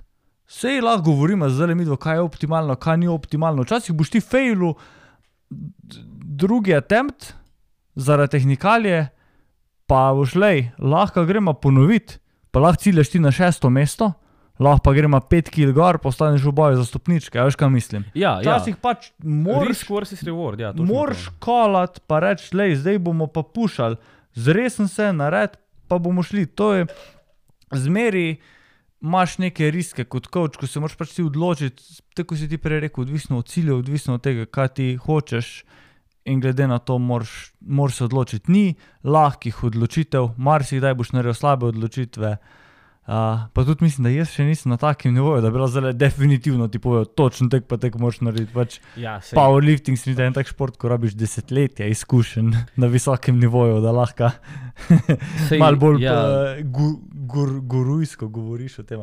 Točno rekel, to, pa se da ne bo zdaj kdo mislil, da se tukaj ne vem, jaz nekaj pametnega delam. To, je, to so zdaj samo mental exercises, od katerih boste mogoče kaj odnesli, že vsaj, vsaj iz tega vidika, da vam bo dal misel. Da boste začeli razmišljati, kakšne boste attempte naredili na tekmi, ne da boste prišli na tekmo in boste tako, ok, hočem skvotati 220, bom šel 200, 200 210, 220. Čeprav to so, to so zelo veliki attempti. ne. Ali pa bench 120, 130, 140. Ja, ali pa še, še kakšne slabše, ne vem, deadlift 225, 250, 270. Um, Mislim, tudi nekomu lahko tudi taki attempti, morate tudi sebe poznati. ne. Uh, a vam, koliko kolik iz vas poberajo uh, singli? Uh, če veš, ok, tudi na treningu sem se recimo sem naredil 220 počepa, pa je zadnja ogrevalna 200. a ne? Pol je čist valid, da greš na tekmi recimo vem, 190, 205, 220. Ne? ja, Če veš, da si navaden takih velikih skokov in da pač ti bi recimo 210 single preveč pobral in bi pa lahko fajlo 220. zmeri moraš gledati v procentih tudi mal. Ni samo kokilje, ker iz 100 na 115 ni isto kot iz 200 na 215. Ja, Zmeri moraš gledati tudi v procentih. Um, ampak ja, to, to je mogoče lahko cela tema zase, a si- koliko si navaden singlov, pa koliko singli iz tebe poberejo, ker se mi zdi, da je tudi ful mentalno, pa koliko si ti kot lifter navaden delati single. Ampak um, mogoče bi pa lahko zaključila s tem. Rekl si, da te zna teksati za deadlift in tako naprej. Veliko coachov pa lifterjev dela SBD dneve zato, da vidijo, kako je delati deadlift po počepu. Jaz sem pa mal kontra mnenja, ne me narobe, d- d- programiram folku SBD treninge, mislim, da je v določenih kontekstih fajn, ampak se mi zdi, da jih ne devam zmeri iz istih razlogov, kot marsikdo, ker sem mnenja, da te na tekmi squat pa bench za deadlift full mind taxata, kot pa ko imaš ti, ko si se te fatig v ciklu nabere, pa imaš ti accumulaten fatig na deadlift treningih, to je, se mi zdi, da ena stvar, ker pač trije singli, to ni skoraj nič volumna, to ni nič, pač sej zna biti težko, tudi do RP je 10. Ampak na treningih lahko ti kar naprej delaš stvari na 90%, iz tedna v teden, pa še volumen zraven. Ti lahko imaš po 10 serij, počepa en dan pred deadliftom. Se mi zdi to full bolj taxing. ja mislim, Kot absolutno. Dva, tri je težki singli, eh, mal pred deadliftom, sploh ko se ti fatig ne nabira, ko v bistvu se še nima časa setati.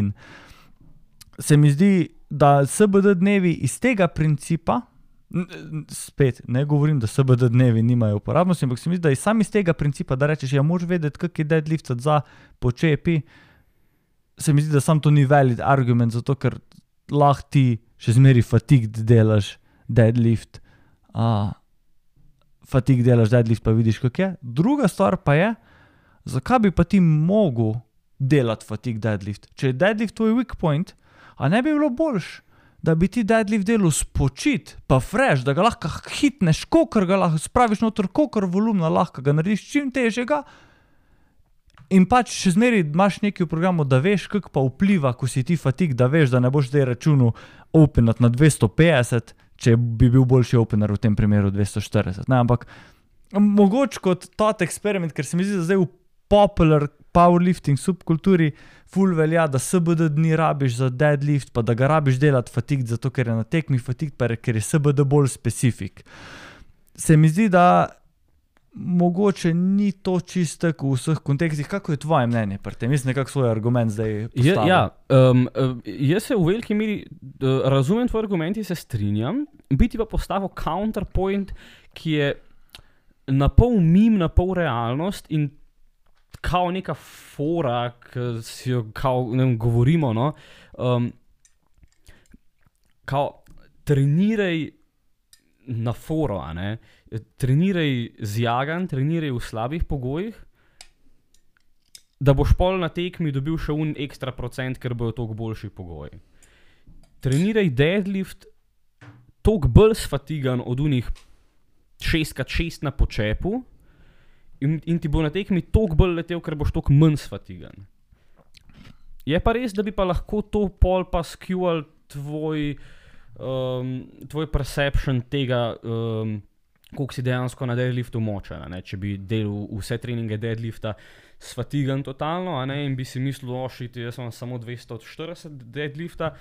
Po bi se ti pa na tekmi izkazal, da, da, vem, da, da bi naredil pa kar vem 260, pa naredil pa je 7 singlov. Ja, pa tudi, koliko bom jaz imel napredka na deadliftu. Če bom jaz delal deadlift, full manj od svojih sposobnosti, če bi ga delal, ko sem spočit. Recimo, da bi si jaz zmeraj sprogramiral deadlift po skvatu, skvat na polno, volumen, pa težo, se pravi, recimo, da imam in veliko volumna in visoko relativno intenziteto. Pogrem pa deadlift delati že cel mrtev in glihko mi prijem čez un volumen, grem manj na palco dat, pa je R pa je višji. Jaz sam zato, ker sem jaz matru, jaz ne bom razvil, ni nujno, da bom jaz razvil moč na deadliftu, pač še zmeraj bo moj volumen manjši, ker bom ali kako rep manj naredil, kako v- set manj naredil. Če pa že to ne, bom pa zagotovo manj imel na palci. In tudi to je en faktor v volumnu. Ne. Teda jaz bi rekel, da, da če že ne drugega, bo moj trening deadlifta trpel in bo trpel tudi pol posledično deadlift max. Uh, pa vsaj jaz osebno se programiram, kdaj za koga SBD, ko vidim, da je to potrebno, ampak velikrat manj programiram SBD kot pa ga. In osebno na tekmi ne vidim, oziroma zelo redko vidim, takrat, ko pa vidim, pa začnem to delati, če se mi zdi useful urodje, da deadlift trpi zato, ker en prej naredi počep. Pa to se mi zdi, da se že dosti pozna to, da si ti pač vem, en dan prej naredil počep. Počasih se mi zdi skoraj boljše urodje to, da deadlift bi bolj, če, če rabi deadlift prioriteto, da deadlift narediš, ko si spočit, vsaj po mojem, no ne vem. Ja, mislim, jaz sem, jaz sem tukaj zdaj čist na drugem bregu, kar se teh treningov tiče, ker jaz imam uh, pred vsemi deadlifti, ki jih delam, imam, imam skvote. Jaz imam SBD, pa samo bench, oziroma SBDD, Mhm. prav squat, bench, deadlift, pa še romunce, pa imam pa samo bench, pa imam pa squat, pa deadlift. Uh, jaz v bistvu nisem delal deadlifta na poseben dan že karen cajta, Mhm. ampak imam občutek, da mi gre deadlift gor, pa mater, da občutno bolj kot squat. Ne znam razložiti, Mhm. ampak squat mi fila nerealno in konsistentno že od štirih tednov pred državnim. Uh, ki je bila moja zadnja serija skvota, za katero sem bil, no, ne, pred zadnja serija skvota, na katero sem bil res ponosen. Pol, pol sem nekaj časa po državnem sem naredil en, eno PR petko, ki je bila tako res RPI 10 in sem bil full ponosen na sebe, da sem jo naredil. Um, ampak uh, mi je full inkonsistenten, kakšen trening mi gre full fine, kakšen trening mi gre full shit. Deadlifti mi gre pa precej konsistentno dober. Mhm. Am- Nice. Ne, ne znam pa razložiti, to je, že, to je zdaj zelo tak uh, uh, ljudsko izročilo uh, argument. Ampak, Pa je pol bi jaz rekel, da zate to obvisli dela, veš kaj mislim. ja, ja, ja. Pač moraš delati to, kar zate dela. In tudi zato nisem proti SBD sešnom, sem pač mislim, da sem mogoče malo overhyped. Trenutnih bi rekel, meti, power. Se veš, powerlifting ima wave, kdaj je nekaj Ja. popularno in pol se stvari či zamenjajo čez kakšno Ja, let. pač da je vsej, kaj je bilo, dve leti nazaj je bilo popularno, da sem imel uh, vem, uh, squat, bench, uh, romunce, uh, bench, vem, squat, bench, pa zadnji dan ne vem, deadlift, pa accessory bench, mm. pa kaj tasga, ne. Kao nek meta razpored. Ja, Ja, zdaj, zdaj pa mislim, da so se kar razpasali ti SBD. Ne dnevi. smeš paditi preveč v te neke trende, se mi zdi, pa dela to, kar dela. Ker, ja, tu- tudi če jaz mislim, da SBD dnevi niso the magic pill, še zmeraj jih bomo uporabljali, ker smo prejšnjo epizodo to govorili, da je pač urodje, Ja, ki, ki ga rabiš vedeti, kako uporabiti. In če dela, ga moraš fucking izkoristiti, kot se da. Ampak se mi zdi, da respekt pani, kar je, kar je naredil, za, kar dela za powerlifting, kako je popularen, pa vse. Ampak se mi zdi, da je zaradi njega, ker on tok uporablja te SBD dneve, da so tudi zaradi njega mal preveč popularni ratal. Zdaj samo zato, ker je neki specifičnosti itak za me kralj. Pač za me je specifičnost tako pomembna kot volumen ali pa kak drug faktor. Ampak sama specifičnost, nujno pri SBD treningu, se mi zdi, da ni, ni tako pomembna kot specifičnost znotraj enega dviga, ki ga boš ti delal. To, jaz bi ful rad enkrat slišal um, um, Urbana odgovor na ta tvoj argument, ker če se prav spomnim, je na coaching roundtablu on kar, kar nekaj govoril o teh SBD dnevih, pa o, o, o, o prav tej specifiki. Ja, Uh, ja, ja. ja. To, tako da, to, to bi ful, ful rad bi slišal njegov counterpoint, glede tega, ker sem tukaj obvisli pač precej manj uh, kvalificiran, oziroma pač imam bolj k, uh, tak, neko, neko kmečko logiko, kar se tiče uh, logike treniranja in pristopa k treniranju. In mislim, da smo nekaj zelo malega že uh, se pogovarjali o tem na tem trenerskem tečaju. Ampak bi, ja, bi tudi uh, jaz rad slišal, um, še mogoče kak protiargument od katerega trenerja. Tega, če kak trener to posluša, pa se ne strinja, uh, sem zelo vesel, da, da bi mogoče odgovoril, pa da vidimo še kakšne protiargumente. Tako, mislim, če sem dnevi so pomeni zelo dobro urodje, ampak se mi zdi, da so trenutno malo overhypani, se mi zdi, da niso potrebni za vsakogar, pa včasih znajo biti celo protiproduktivni, uh, sploh če imaš glavnino svojih deadlift treningov tam.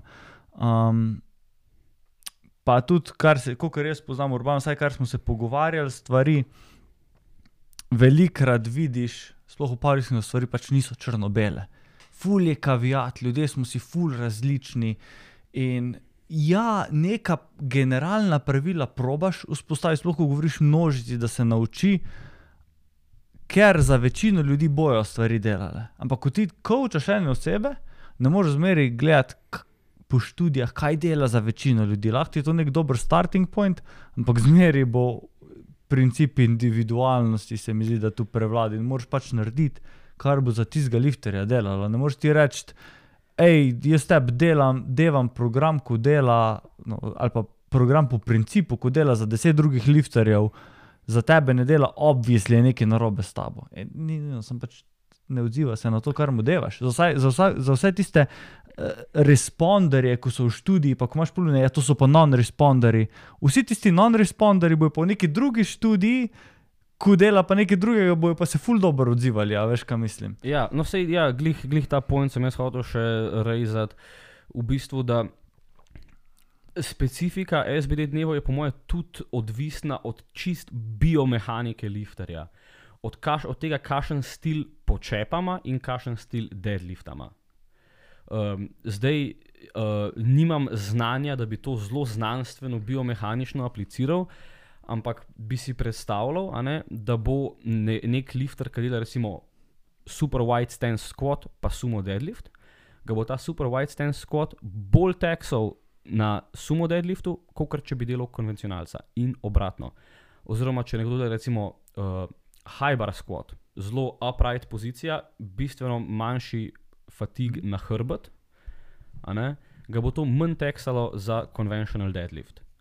Kot bi pa recimo ga low bar, isto ga bo recimo sumo deadlift, ki ima manjšo obremenitev hrbta, manj teksal nekoga, ki dela low bar squat. Ja, ja. Pa mogoče že tudi same lifestyle uh, v, uh, preference, kako dolgi hočeš imeti trening, kolikrat na teden hočeš trenirati, koliko volumna si ti sposoben v enem treningu pohendlati, koliko volumna mogoče ti rabiš naenkrat, da imaš efektiven trening. Ja, to pa, to pa tudi absolutno. Pač SBD treningi. Lahko je SBD trening um, zelo, uh, če, če je zelo dobro narejen, je lahko efektiven, pa traja uro pa pol. Mhm. Lahko imaš, pa ti, lahko imaš pa ti bolane SBD treninge, ki si 3-4 ure v džimu, zato ker pač imaš, ne vem, 5 serij squata, 5 serij benča, 5 serij deadlifta, to je 15 serij, med vsako serijo imaš ne vem, 5 do 7 minut pauze, pa za vsak lift rabaš še 20 minut za ogrevanje, pa smo na 3 urah. Ja, pa to je na dolgi rok za veliko ljudi, ko imajo nek life. Uh, čist neuzdržno, sploh če gledaš, da rabiš ti še ne vem, pol ure, da priješ, pa greš izven džima. Pa to. Ja, minimalno. ti si, si zelo hiter na štirih urah džima in ti praktično pol štirikrat na teden nimaš nič več od life, kar je pač za večino ljudi neuzdržno. In Ja. malo kdo bo dosegel svoj potencial, če bo treniral na tak način. Ja, mislim, jaz, jaz zase vem, recimo, da sem imel. Uh, Da sem imel na neki točki kar probleme, ker sem še z Belšakom treniral, pri Belšaku, da sem imel zelo dolge treninge. Ne? In pač govorim, ne vem, recimo dve ure do tri ure, pač en trening, ne? Plus 20 minut, kaj je 20 minut nazaj, ne? ker med vode, če je bil zelo fajn promet. Um, ja, mi je šlo pač 4 ure, 4 krat na teden, med karanteno je to šlo. Ne, ker pač ni bilo nobenega social life, vse obveznosti prek Zuma, ki sem še prešprical in je to šlo brez problema. In mi je bilo fajn, še, uh, pač še nek minimum socializacije tam prek Džima, kar se je smel. Um, in mi je bilo to super. zdaj pa vidim, da imam pa vedno manj in manj časa za, za treninge, sploh s šihtom, faksom, vsem. Kaj moli nekdo, ki ima, ne vem, šiht pa otroke? Kakšen si ti fotor, da boš štirikrat na teden po štiri ure v džimu, froc pa doma? Ja. Pač, Ja, jaz, enostavno ne boš imel, velika večina ljudi na neki točki v lifeu ne bo imela časa za tako stvar. Recimo, ja, je, lahko pa to deluje, pa, pa za neke ne vem, srednje šolce ob dveh zaključ, do šestih je v džimu, gre tam narediti domačo nalogo, pa gre spat. Ja, tudi jaz zdaj to izkoriščam za kakšne študente, ko imajo še počitnice in tudi sami pravijo, ko te pač malo sprašujem, ti je urejo, ti so ti predolgi treningi, hej, zdaj mi je top shit, ko imam čas, ampak hej, čez en mesec to ne bo več funkcioniralo. Ja, ja, točno to. To je, da se že pripravljam, da zdaj, Ja. ja. ko se začne študentsko šolsko leto, da treninge totalno obrnem, da bo, da bo bolj efekt, efektiv, uh, uh, pa ne vzeli več toliko časa. No, evo, pa smo prišli do konca še ene epizode Zvite štange. Upam, da vam je bila všeč, se vidimo v naslednji in pa tako kot vedno, ostanite močni.